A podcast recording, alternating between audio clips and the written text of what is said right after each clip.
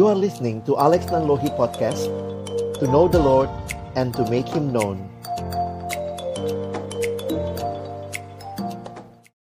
Bapa di dalam surga kami datang dalam ucapan syukur pada siang hari ini.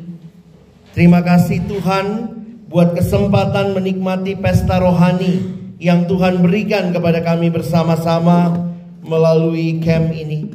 Kami menyerahkan waktu-waktu yang berharga ini untuk kami bersama-sama membuka firman-Mu.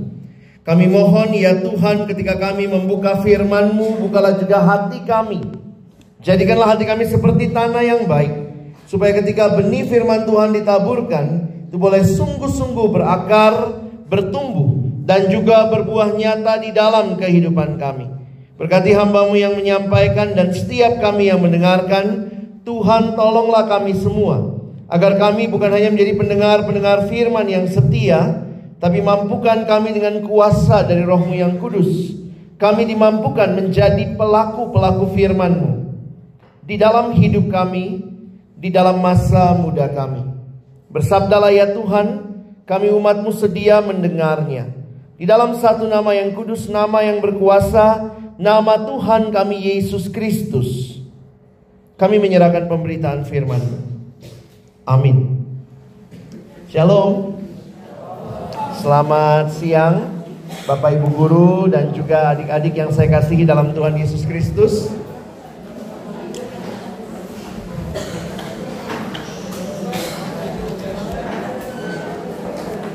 Mari sama-sama siang hari ini saya harap kita boleh konsentrasi dalam waktu yang singkat ini.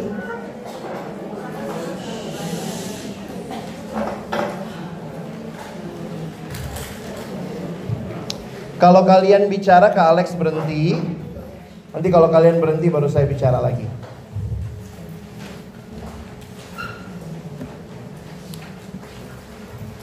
Ada pepatah mengatakan tak kenal maka tak sayang. Ya, sudah kenal sih belum tentu disayang. Saya Alex Nanlohi. Saya bukan guru, jadi saya biasa dipanggil ke Alex atau kalian mau panggil ko Alex boleh. Dan ini kesempatan yang indah boleh melayani adik-adikku, teman-temanku di Citra Kasih, ya. Nah, sama-sama kita akan melihat saya bagian D yang ketiga gitu ya. Jadi kita bicara destiny. Dan ini pertanyaan penting di dalam hidup manusia tentang what on earth am I here for? Jadi kita udah bicara tentang desain, menemukan rancangan Tuhan yang unik dan spesial buat Anda. We have talked about desire, menemukan kerinduan apa yang Tuhan taruh di dalam diri saudara. Dan sekarang kita akan bicara tentang destiny. Menemukan apa yang menjadi tujuan Tuhan menciptakan Anda. Ya, apa yang jadi tujuan Tuhan menciptakan Anda? Saya pikir pertanyaan manusia sepanjang zaman adalah pertanyaan yang selalu berkaitan dengan tujuan. Kalau kita tanya misalnya apa sih arti hidup? Atau kita tanya lebih mendasar lagi. Manusia bertanya tentang who am I? Dan ini pertanyaan yang sering kali ditanyakan manusia sepanjang zaman. Kenapa? Karena kalau orang tidak tahu dirinya, tidak kenal identitas dirinya, sulit untuk dia bisa memahami ke mana hidupnya. Koko suka nonton, eh, suka ya, berapa kali pulang, terus kemudian lihat ada yang nonton sinetron tuh ya. Di rumah ada mbak saya seneng nonton sinetron. Dulu itu biasanya gitu ya, sinetron Indonesia itu kalau mau dipanjang-panjangin, tiba-tiba nanti jatuh, hilang ingatan, gitu kan. Udah hilang ingatan, lalu kemudian nanti tertukar lah, gitu ya. Makanya beberapa tahun yang lalu ada sinetron apa tuh? Putri yang terbuka. Pernah waktu itu Koko pulang lihat ya ampun ini mah bukan putrinya lagi sudah episode 430 sekian. Itu bukan putrinya lagi yang tertukar, udah udah neneknya kali yang ketukar ya, nanti udah panjangnya. Nah perhatikan sebentar, yang paling ngeri kalau orang dalam hidupnya dia tidak tahu siapa dirinya. Pertanyaan ini jadi penting. Kadang-kadang kok pikir kenapa nggak bawa KTP ya? Who am I? Kalau misalnya dia jatuh hilang ingatan, aku siapa? Aku siapa? Tunjukin KTP ini kau. Ini gini. Lihat. Aku di rumahnya di mana? Ini ada alamatnya. Kasih gojek suruh pulang. Gitu ya. Makanya pertanyaan penting ini saya harap di dalam camp ini kalian bisa benar-benar tahu who am I dan tahu saya mau ke mana. Ya? Oke. Kenapa? Kalau orang tidak tahu dirinya, ada dua kemungkinan. Kalau dia kemudian melihat dirinya, sering kali orang kalau lihat dirinya compare sama orang lain. Begitu dia merasa diri lebih tinggi dari orang lain, dia bisa jadi sombong. Tapi kalau dia merasa dirinya lebih rendah dari orang lain, dia bisa jadi minder. Jadi sombong sama minder itu saudara-saudara kembar sebenarnya ya. Satu ke dalam, satu keluar. Jadi kadang-kadang Koko suka perhatikan ya. Kalau ada anak yang cari perhatian banget, oh ini mungkin karena memandang dirinya tidak tepat. Ada anak yang minder banget, pokoknya aku nggak bisa apa-apa, aku nggak bisa apa-apa, semua nggak bisa. Yang satu sombong banget, semua bisa, padahal nggak ada yang benar. Jadi akhirnya kenapa? Dia tidak memandang dirinya tepat. Ya. Nah, karena itu ini generasi yang katanya mengalami krisis identitas. We are in a generation that facing the greatest crisis, um, identity crisis. Apa yang menarik? Banyak masalah yang timbul sebenarnya timbul dari krisis identitas. Masalah di sekitar dunia remaja tidak terlepas dari masalah identitas. Satu waktu Alex pergi ke tempat rehabilitasi narkoba itu ada di daerah Sukabumi, daerah Lido, dan kemudian di situ ketemu dengan beberapa orang yang sedang dalam masa perawatan. Kami datang bikin kebaktian di sana, ketemu sama mereka, lalu tanya, kenapa sih pakai narkoba? Terus dia bilang gini, habis papa sibuk, mama sibuk, saya nggak tahu lagi ngapain saya hidup. Ya udah, di rumah ada masalah, di sekolah dibully, dan apa yang terjadi? Kemudian dia mulai berpikir tentang melupakan masalah. Oh ada yang tawarkan, mungkin awalnya coba dikasih teman, kemudian di masa SMA dia mulai pakai narkoba. Saya bilang apa enaknya pakai narkoba? Itu sementara, itu bisa lupa masalah kan? Sebentar aja, tapi habis itu balik lagi. Jadi ketika orang tidak tahu siapa dirinya, merasa dirinya tidak berharga, bisa terjadi banyak masalah. Jadi kalau kita perhatikan, teman-teman saya harap kalian kenal, tahu, tahu betul siapa dirimu. Nah, bagaimana mengerti pertanyaan tadi? Ada tiga hal yang Alex ingin kita mengerti.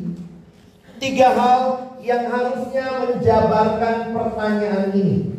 If you ask yourself, who am I? Then you should ask another three questions to help you to clarify what is this all about. Gampangnya begini, pertanyaan tentang masa lalu, kalau bahasa Inggris jelasnya past, present, sekarang, dan future. Tiga pertanyaan ini kalau kamu bisa jawab, you will survive. Pertanyaan pertama, dari mana saya datang? Ini bicara tentang past. Saya ini dari mana sih? Saya ketemu satu anak remaja sulit sekali mengerti melihat dirinya. Selalu dia kaitkan dirinya sama keluarganya. Saya dari keluarga yang kacau kok. Saya bilang, apakah cuma itu? Who are you? Siapa kamu? Lihat belakangnya lagi. Bukan sekedar saya dari keluarga yang punya masalah. Tidak ada keluarga yang gak punya masalah. Semua keluarga punya masalah. Tapi apakah identitasmu kamu kaitkan hanya kepada keluargamu yang bermasalah? Ini pertanyaan tentang past, present. Kamu harus menjawab pertanyaan ini. Ngapain saya di sini? What am I here for? Saya dari mana? Ngapain saya di sini? Dan pertanyaan sesuai dengan topik kita. Apa sih tujuannya? Future-nya kalian mau ke mana? Dan ini menjadi pertanyaan penting yang teman-teman dan saya harus jawab. Sekarang aku kasih ilustrasi begini. Saya pegang apa? Ini namanya apa? Mic. Tahu dari mana? Mic. Gunanya apa? Mengeraskan suara. Kalau kamu orang kampung, udik banget, gak pernah lihat mic. Lalu kemudian waktu kamu pernah kali lihat mic, apa itu? Oh, ini buat gatel. Oh iya ya, kalau gatel, mic mencapai tujuannya dicipta? Tidak. Mic ini tujuannya apa? Mengeraskan suara. Biasanya kalau kita beli benda elektronik sekarang disertai sama buku buku panduan, buku manual. Buku manualnya itu siapa yang keluarin? Yang bikin pabriknya. Jadi kalau mau tahu ini tujuannya apa tanya sama tanya sama yang bikin. Tanya sama pabriknya. You want to know about yourself? Ask God, your creator. Kalau mic ini dicipta ada tujuannya, dengar kalimat Alex baik-baik ya. Kalau mau jalan ini begini. Kalau mic ini saja dicipta ada tujuannya, saya kok ragu banget kalau orang bilang Tuhan menciptakan kita tanpa tujuan. Mic aja ada tujuannya. Maka saya harus pastikan kita belajar sore hari ini bahwa engkau dan saya dicipta juga ada tujuannya. Tuhan tidak kurang mainan lagi iseng di surga. Aduh, ngapain dia bikin Alex? Enggak ya. He has a purpose for each one of us. Main aja yang kayaknya ini apa kalau anak sekarang ini receh banget. Ini aja tujuannya. Then how come you say you are here for nothing? Makanya kalau kita belajar soal identitas, bagaimana cara tahu identitas? Coba lihat pertanyaan di depan. If you are talking, if you, if you are talking about identity, pertanyaan saya begini: identitas itu datangnya dari mana? Dari luar dirimu atau dari dalam dirimu? Dari dalam. Coba, Mike ini mau tahu aku siapa. Lalu Mike ini lihat dalam dirinya, oh aku baterai, gitu. Who gives the identity to this Mike? Pabriknya, creatornya. Is it from outside or from inside? Saya mau kasih tahu, ini kebohongan paling besar buat generasi. Banyak lagu, banyak film, banyak tulisan, banyak cerpen yang mengatakan if you want to know about yourself, look deep inside you and find who you really are. No, that is not what the Bible teach us. Bukan lihat ke dalam. Kalau kamu bilang saya ciptaan, maka cara engkau tahu identitasmu bukan lihat ke dalam, cari tahu siapa penciptamu. Your identity is not from inside you, but from outside. Bisa paham? Tapi sekarang begitu sih ya. Semua cara menemukan identitas sering nonton film nggak sekarang? hampir semua film tema utamanya buat generasi ini identity. Cari nonton film ini identity, film itu identity. Lalu kemudian bagaimana identitas? Lihatlah dalam dirimu who you really are. No. Ingat kata pengkhotbah. Coba kalau kalian bawa Alkitab buka pengkhotbah 12 ayat 1a.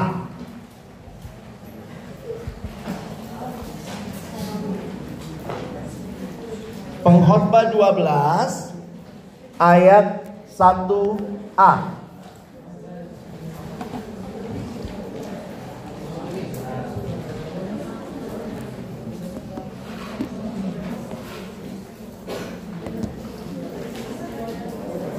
Bisa?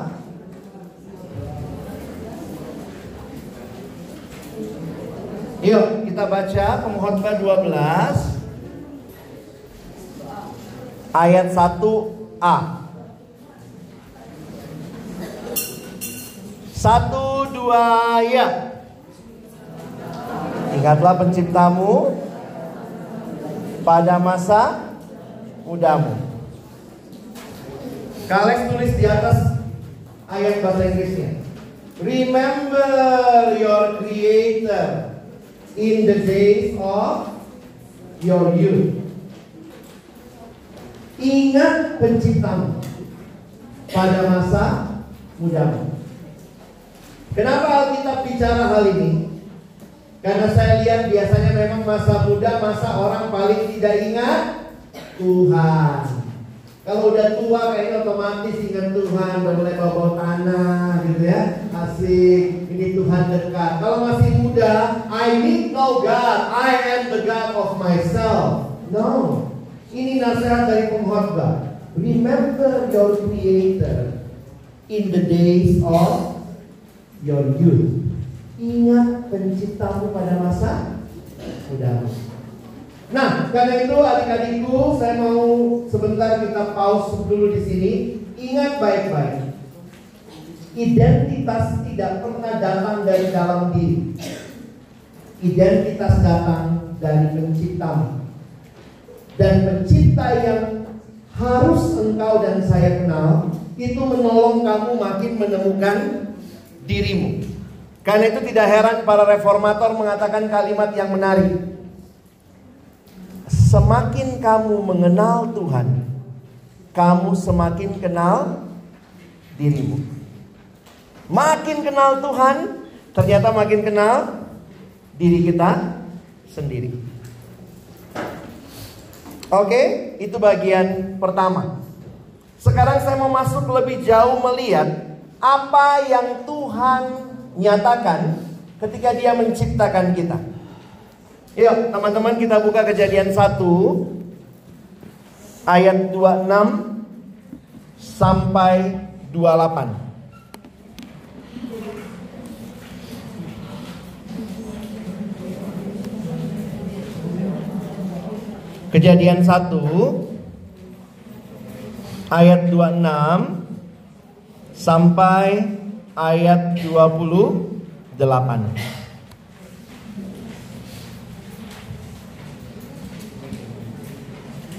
Oke. Kitab Kejadian mencatat awal mula segala sesuatu. Termasuk awal mulanya manusia. Yuk teman-teman lihat sebentar. Yang pria baca ayat 26, yang wanita baca ayat 27, kita baca sama-sama 28, tiga ayat ya. Baik, pria mulai baca satu dua, ya. Berfirmanlah Allah, baiklah kita menjadikan manusia menurut gambar dan rupa kita, supaya mereka berkuasa atas ikan-ikan di laut dan burung-burung di udara dan atas ternak dan atas seluruh bumi dan atas segala binatang melata yang merayap di bumi.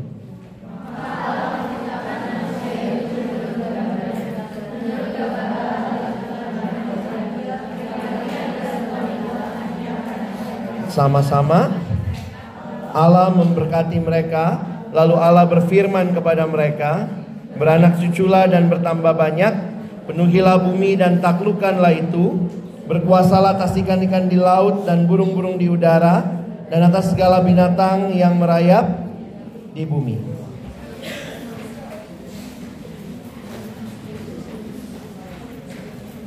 Perhatikan di dalam Alkitab, fakta pertama yang dinyatakan kepada kita adalah fakta ini. Waktu bicara manusia, manusia adalah ciptaan Allah. Manusia bukanlah sebuah proses evolusi yang panjang. Manusia bukanlah kecelakaan sejarah. Manusia adalah ciptaan Allah. Kalau saya mencipta, misalnya ya, Koko cipta benda ini. Maka begitu benda ini dicipta, Koko cipta mic ini ya, begitu ini dicipta, ini punya siapa? Punya yang mencipta. Jadi di dalam konsep penciptaan ada konsep pemilik. Jadi kalau kita dicipta oleh Allah, berarti kita milik miliknya Allah. Nah ini konsekuensi logis. Dialah yang menjadi pemilik, dialah menjadi Tuhan kita. Karena saya dicipta oleh Allah, maka saya harusnya hidup melayani Allah.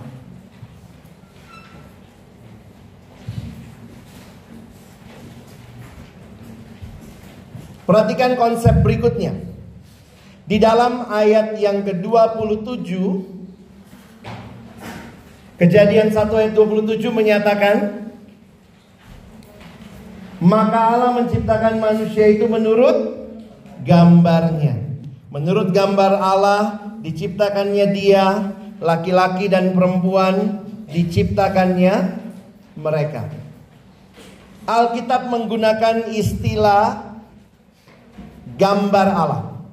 Perhatikan istilah ini dalam bahasa Inggris digunakan istilah image of God. Kenapa image of God ini begitu unik ya? Teman-teman kamu kasih ilustrasi begini ya. Saya beberapa kali juga pelayanan. Biasanya di sekolah selain burung garuda di depan ada siapa berdua? Presiden sama wakil presiden. Dan selalu senyum kamu nggak balas ya. Nah, satu waktu saya datang ke satu sekolah, lalu kemudian di depan kelas ada burung garuda, ada fotonya gitu ya, presiden wakil presiden. Lalu kamu tanya, numpang tanya, mana presiden kita? Itu semua sekolah itu, itu. Numpang tanya, kalau itu presiden kita, di sekolahmu ada berapa presiden? Karena setiap kelas punya satu. Apakah itu presiden? Bukan, itu cuma gambarnya. Tapi itu bukan gambar biasa, itu gambar siapa? Gambarnya presiden. Jadi waktu dikatakan manusia gambar Allah, bukan berarti manusia itu adalah Allah. Manusia gambar Allah berarti manusia bukan Allah, tapi dicipta oleh Allah untuk menggambarkan Allah. Ada juga yang tanya, Papa lu yang mana sih? Lalu dia buka dompet. Nih, nih bokap gua. Ih gila, tipis amat papamu. Itu bukan papanya, itu cuma gambarnya. Jadi gambar Allah itu berarti mewakili Allah. Jadi kalau kalian perhatikan konsep ini menarik sekali teman-teman. Kalian ingin kita melihat sebentar apa yang ada di dalam Alkitab. What makes you special? Sekarang coba lihat kejadian satu. Kalian ingin kita belajar dari ayat 11 sampai ayat 13. Kejadian 1 ayat 11 sampai ayat 13.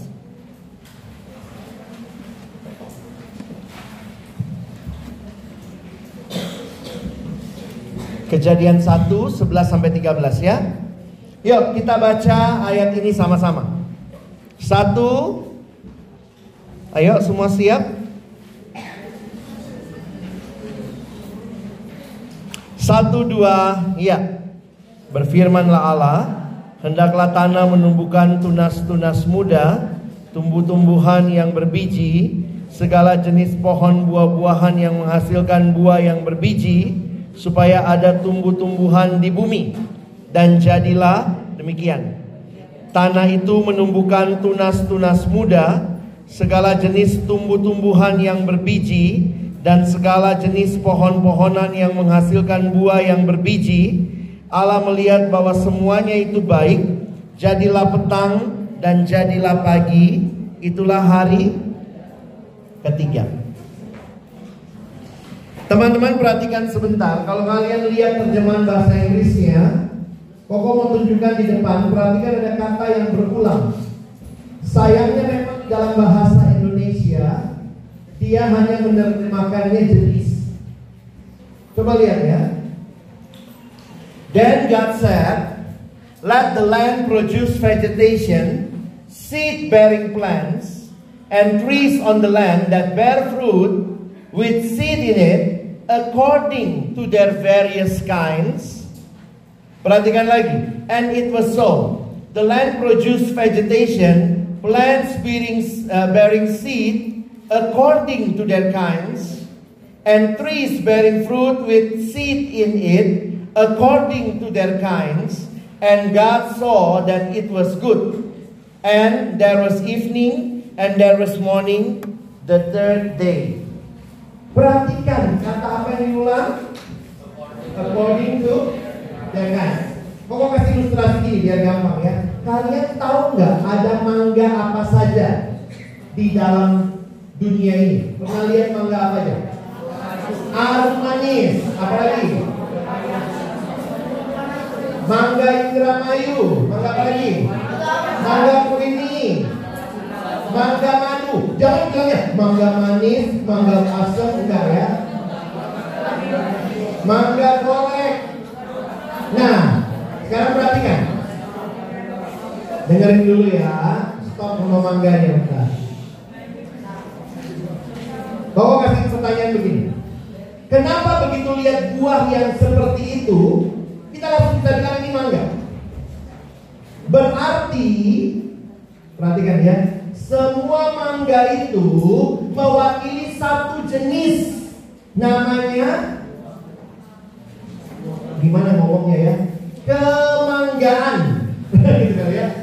Mangganes, manggaskip, kemanggaan. Jadi semua buah, semua buah mangga diciptakan mewakili kemanggaan itu. Pernah pernah rasa durian mana di mana aja? Ada durian Medan, ada durian Bangkok. Semua durian diciptakan mewakili kedurianan. Nah, you got my point. All the fruit according to their kind. Pernah lihat sayur apa lagi? Kol. Kol ada di mana aja? ada di ruang makan. Ada kol yang di ada kol di Medan, di Brastagi, ada kol yang diproduksi di Sukabumi. Tapi semua kol itu diciptakan mewakili kekolan. Ya, ya. Oke. Okay. Jadi ini poinnya. Setiap kali lihat buah itu atau tumbuhan itu atau jenis itu, langsung kamu bisa connect. Ini mewakili kain Makanya perhatikan ya, according to their various kinds. Semua ini mewakili. Nah sekarang koko masuk. Coba lihat kejadian 1 25 24 dan 25 Masih di kejadian.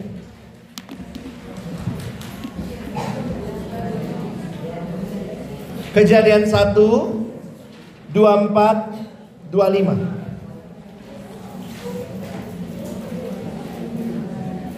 Yuk baca sama-sama ya. Satu, dua, iya. Berfirmanlah Allah, hendaklah bumi mengeluarkan segala jenis makhluk yang hidup, ternak dan binatang melata, dan segala jenis binatang liar. Dan jadilah demikian. Allah menjadikan segala jenis binatang liar dan segala jenis ternak dan segala jenis binatang melata di muka bumi. Allah melihat bahwa semuanya itu ketika menciptakan hewan, lihat istilah yang sama muncul. And God said, Let the land produce living creatures according to their kinds, livestock, creatures that move along the ground, and wild animals, each according to its kind.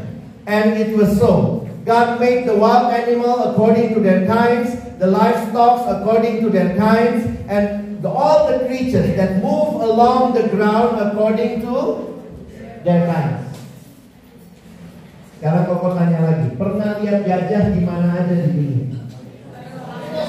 Lampung, Sumatera, ada di mana lagi? Thailand ada. Australia ada? Di dunia enggak ya?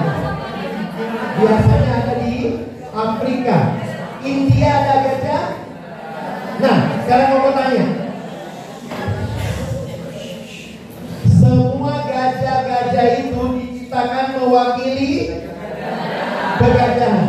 So whenever you saw, you see, kalau kamu lihat ada hewan yang punya belalai, di mana pun itu, kamu akan bilang ini jenis gajah. So the animals were created according to its kind. Gajah diciptakan mewakili kegajahan. Babi mewakili kebabian. Anjing mewakili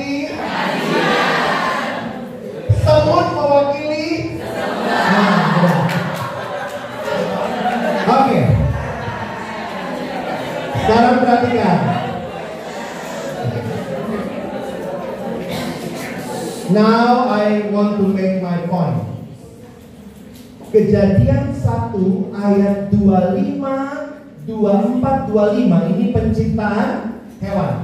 Kejadian 1 ayat Kejadian 1 ayat 11 sampai 13 ini penciptaan tumbuhan. Jadi perhatikan, mewakili jenisnya. Semua tumbuhan mewakili jenisnya. Sekarang mau tanya, kalau begitu manusia diciptakan mewakili kemanusiaan. Is that true? No. Satu-satunya di Alkitab ketika hewan-hewan itu diciptakan mewakili kehewanannya, jenisnya, manusia dikatakan tidak. Manusia diciptakan mewakili Allah. Ini yang make us very very special. Gajah diciptakan mewakili kegajahan. Kangkung mewakili kekangkungan. Tapi manusia tidak diciptakan mewakili kemanusiaan. Satu-satunya makhluk yang eksistensi dirinya langsung dikaitkan dengan penciptanya adalah manusia. Never underestimate yourself. You were created in the image of God, not according to our kind, but according to God's image. Itu poin yang penting. Dan saya harap kalian mengerti karena itu identitas kita datangnya dari siapa? Not from our kind. Bukan dari dalam, tapi dari pencipta yang bilang, "Kamu gambarku." Identitas manusia dari luar dirinya. Dari siapa itu? Dari penciptanya Koko lihat begini ya. Pasti bukan dari dalam diri. Tapi dari luar diri pun ada dua pilihan. Is it from another creation or from creator? Alkitab mengatakan not from creation but from creator. Ya. Saya waktu ngerti ini jadi ingat masa kecil saya.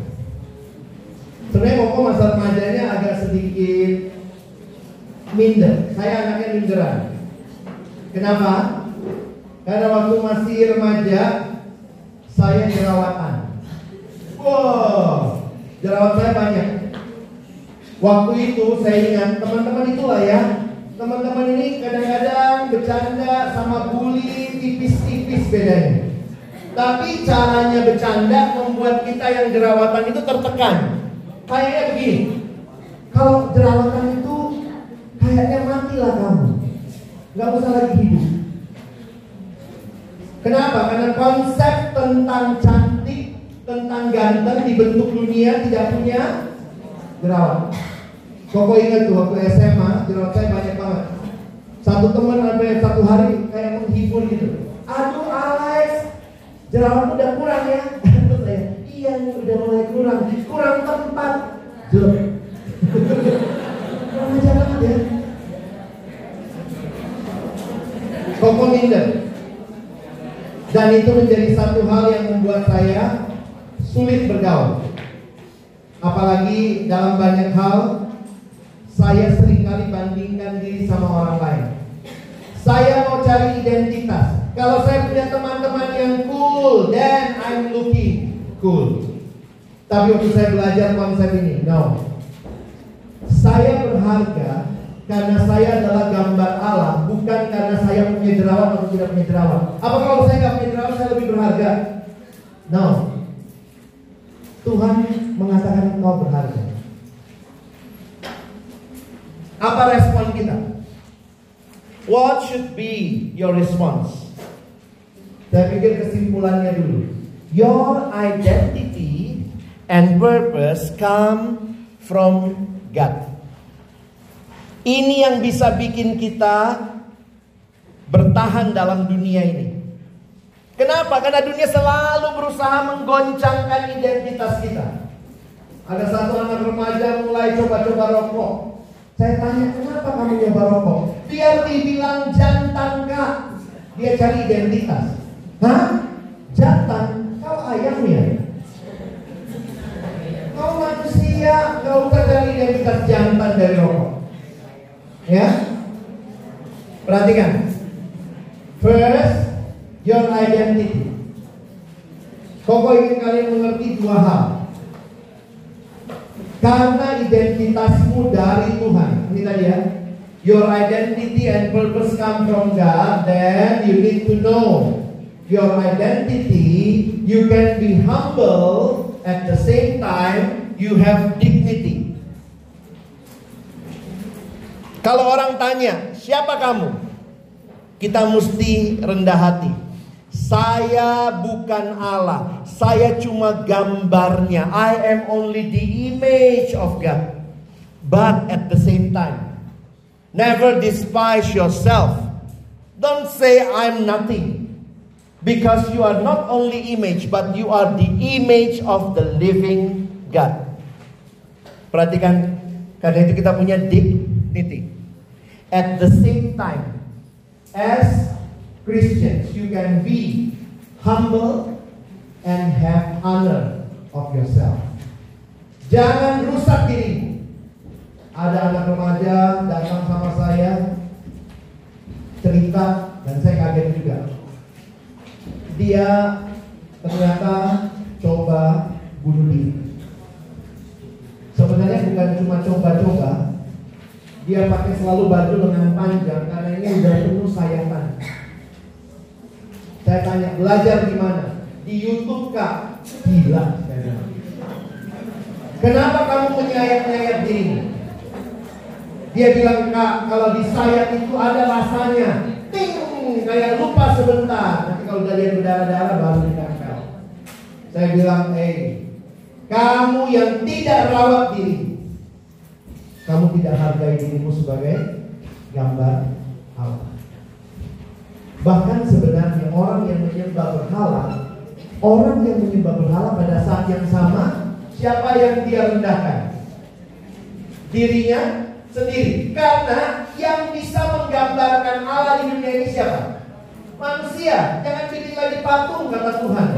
Jangan membuat patung menyerupai apa pun dan dan menyembah dia. Karena you are my image. If you created another image, then you are saying God, I'm not really representing you. I need another image that will represent you. That is not true. Orang yang menyembah berhala, yang dia sedang rendahkan adalah dirinya sendiri. Oke? Koko harap kalian bisa ngerti ini ya. True self identity is not gain.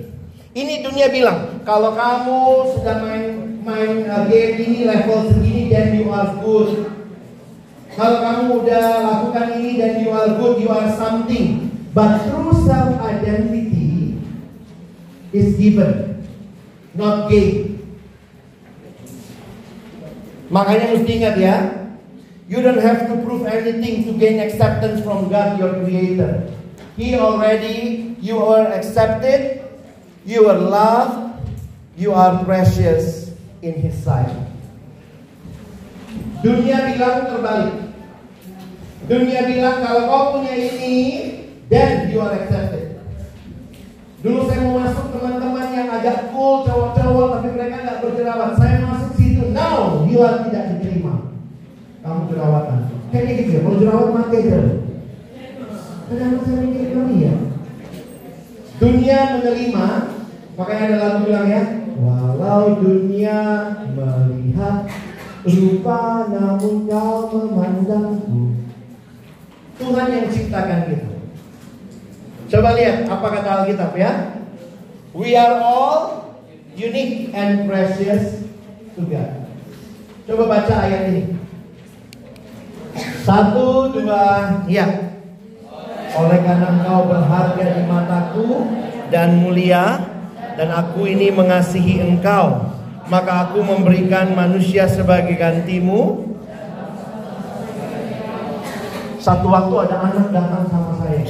Kak Alex, teman-teman bilang saya jelek. Saya perhatiin emang jelek sih ya. Tapi luarnya kesannya gini loh, kalau jelek emangnya mesti dibunuh, mesti dimatiin. Terus kemudian saya ajarkan dia harga diri. Saya bilang begini,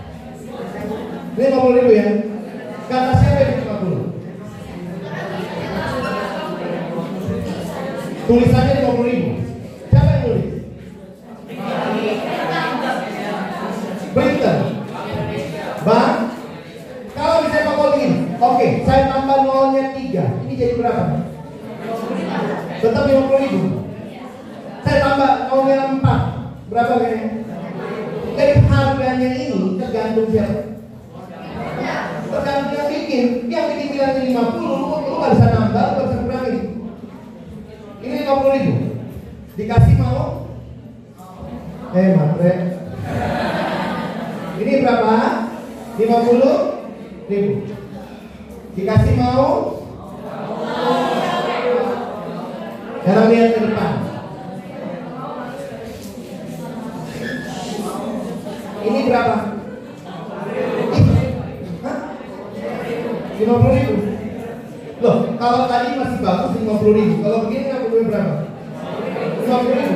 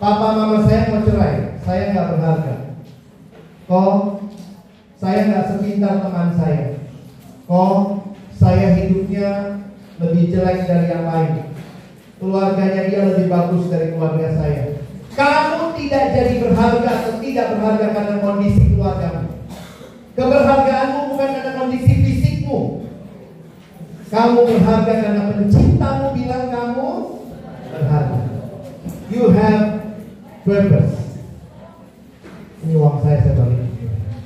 Ya, nggak jadi dibagi ya. Oke. Pokoknya mau kalian lihat ayat ini ya. Yuk kita baca sama-sama. Satu, dua, iya. Semua orang yang disebutkan dengan namaku untuk kemuliaanku yang kubentuk dan yang juga kalau berdasarkan ayat ini kok tanya apa tujuan Tuhan ciptakan kita apa tujuan Tuhan ciptakan kita? Untuk kemuliaan Tuhan. Sekarang kok tanya lagi. Apakah kurang Tuhan itu kurang mulia? Tuhan kurang mulia lalu dia ciptakan kita. Lalu kita mulia mulia. Lalu dia tambah mulia. Please think Pikir, apakah Tuhan kurang mulia? Sampai harus ciptakan kita, kita muliakan dia, muliakan dia, lalu dia tambah mulia? Tidak. Kau kasih ilustrasi. Coba misalnya kamu keluar waktu matahari bersinar terik, kamu misalnya punya pikir ya, bawa cermin, pernah lihat cermin? Bayangkan kamu ambil cermin, kamu arahkan ke matahari. Terus kamu bilang, Mat, saya tambahin ya cahayamu. Matahari tambah terang? Tidak. Sekarang, oh mungkin kurang banyak. Seluruh anak citra kasih kelas 8 keluar, bawa cermin menghadap ke matahari sama bapak ibu guru. Apakah matahari tambah terang? Tidak. Kenapa? Matahari sudah terang. Sekarang mau balik. Kalau begitu, Apakah manusia dicipta supaya bikin Tuhan tambah mulia? Tidak, karena Tuhan sudah mulia. Berarti apa artinya dicipta untuk kemuliaan Tuhan? Mesti pikir dong, orang Kristen itu banyak banget istilahnya. Saya dicipta untuk kemuliaan Tuhan. What, does, what does it mean? Karena Tuhan mau kita seperti cermin yang memantulkan kemuliaan. If God is holy, then you have to be holy. That is for God's glory. Kalau Tuhan itu adil, berarti saya harus adil. Kalau Tuhan itu kudus, saya harus. Masa Tuhan yang kudus, saya kudis? Saya nyambung ya. Jadi, Kares mau kita lihat. Ternyata kita dicipta oleh Tuhan untuk tujuan kita jadi wakilnya Tuhan. Supaya waktu orang mau lihat hidup kita, siapa yang dia lihat? Tuhan. Ada nggak? Papa mamamu di rumah ngomong, ih, Tuhan banget anakku nih. Begitu. Teman di sekolah, ih Yesus banget, Yesus banget. Dengerin kalimat Bapak ya. Kalau kalian gambar Allah, harusnya orang lihat siapa? Allah dong. Kalau orang lihat langsung bilang, dasar kau anak setan, siapa yang kelihatan? Kesetanan itu lebih kelihatan. Bukan itu tujuan Tuhan. Tuhan tidak ciptakan supaya kalian mempermalukan dia. Catat kalimat penting ini. Tuhan tidak ciptakan kalian untuk mempermalukan dia. Ayat yang ada. Tuhan ciptakan kamu untuk mempermuliakan dia. Berarti setiap hari saya harus makin mirip siapa? Tuhan. Jangan makin hari makin mirip. Ada nggak papa mamamu senang sekali kalau kamu makin hari makin mirip tetangga? Papa bangga sekali lihat matamu makin mirip tante di seberang jalan. Lihat kupingmu mirip om itu yang lewat-lewat. Orang tua yang normal senang anaknya mirip mirip dia. Koko pergi besok teman melahirkan ya. Itu pas pas kami datang bayinya lagi menyusu. Habis menyusu kemudian mamanya biasa pamer anak pertama. Mamanya bilang, Lex, lihat anakku. Anaknya masih tutup mata gitu ya. Hidungnya kan hidungku ya kata mamanya. Jidatnya jidat bapaknya. Tiba-tiba bapaknya marah. Mama, hidungnya hidung papa. Jidatnya jidat mama. Lalu mereka berantem itu hidung jidat, hidung jidat. Namanya juga anak mirip papa mamanya ya. Jadi di situlah Koko baru mengerti orang tua itu paling pengen anaknya mirip mirip dia. Tuhan ingin nggak kita mirip dia? Kalau kita nyanyi, aku anak raja, kamu anak raja, kita semua anak siapa? Mungkin Tuhan juga bingung waktu lihat, ih kok gak mirip? Tuhan kau anakku, ih kok gak mirip? Kok lebih mirip si iblis?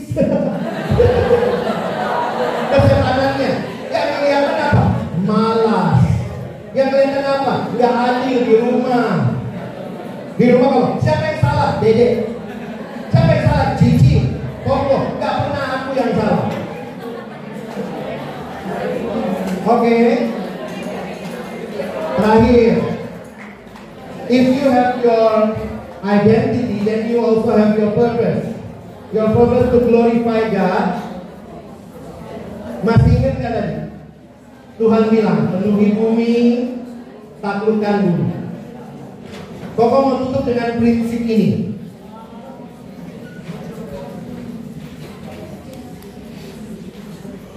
Perhatikan, Tuhan menciptakan manusia untuk memenuhi bumi, mengusahakannya. Jadi kalau kita sekarang hidup, kita memuliakan Tuhan, kita bekerja untuk bisa kerja kalian studi, itu semua ada dalam rancangan Tuhan. Dan Tuhan kasih kalian desire, Tuhan kasih kalian passion to do what you want to do in the future. Tapi ada hal yang menarik.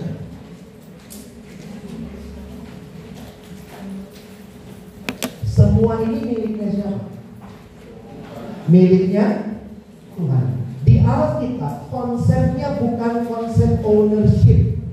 Bukan kita pemiliknya. Alkitab menggunakan istilah stewardship. Penata layan. Teman-teman dan saya bukan pemilik. Tuhan yang bilang, penuhi bumi taklukkanlah itu. Satu waktu aku akan datang kembali meminta pertanggungan jawab. We are not the owner. We are only steward. Harusnya ini yang kita ingat. Kalau demikian, ini semua buat siapa? Kalau asalnya dari Tuhan, kita dipercayakan oleh Tuhan, maka konsep terakhir yang perlu kalian ingat. For God's glory. Saya rindu kita mengerti konsep ini. Hari ini kalian tahu, kalian punya destiny.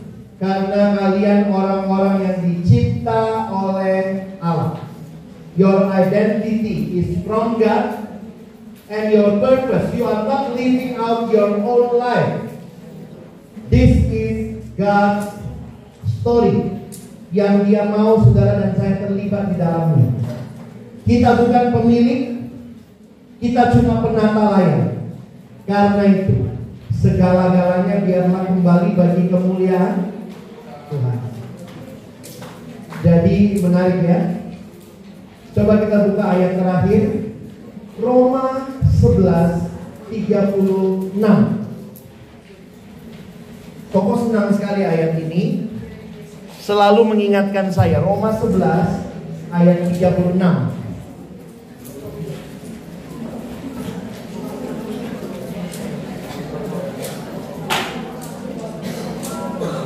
Roma 11 ayat 36. Yuk, yang ketemu baca sama-sama ya. Roma 11 ayat 36. Ya, satu, dua, iya. Sebab segala sesuatu adalah dan oleh dia dan kepada dia. Bagi dia kemuliaan sampai perhatikan kalimatnya. Segala sesuatu dari dia. Segala sesuatu oleh dia. Segala sesuatu bagi dia. Perhatikan ini kembali pakai bahasa Inggris ya. Past, everything you have itu dari Allah. Sekarang itu kalimat yang lebih tepat. Sebenarnya kata oleh itu bahasa Inggris menggunakan kata true. Everything is from God and through Him Tuhan yang sedang menopang everything you have now and that is why everything should be for God's glory. Dari Dia sekarang ini ditopang oleh Dia segala-galanya bagi Dia. Itulah hidup kita. Kamu dicipta Allah. Kamu hidup sekarang di hadapan Allah dan seluruh hidupmu bagi siapa? Apa tujuannya? Not for your glory, but for God. Pokok kasih bahasa Inggrisnya ya. Inggrisnya bilang begini. For from and through him from him through him to him. All things to God be the glory forever. Amen kita nyanyi ya lagunya itu. Pokok contohnya ya dengar dulu dengar dulu. Nggak dijual kaset dan CD-nya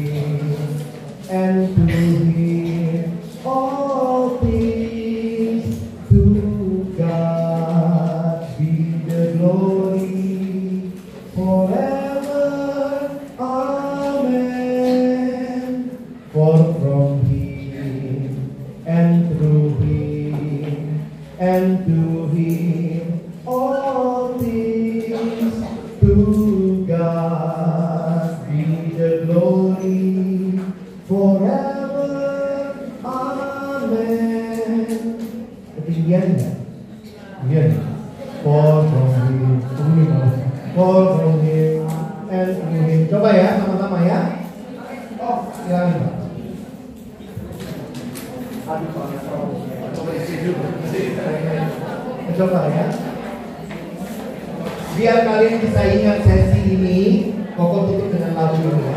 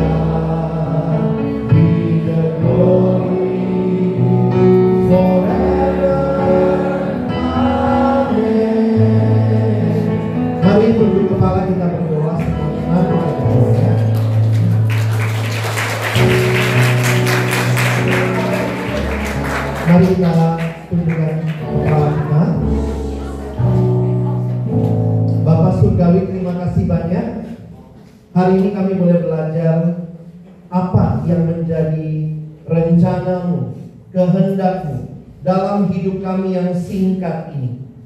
Kami hanya hidup satu kali Dan hidup yang satu kali itu Biarlah kami tidak Hidup tanpa tujuan. Kami tidak hidup tanpa identitas yang jelas.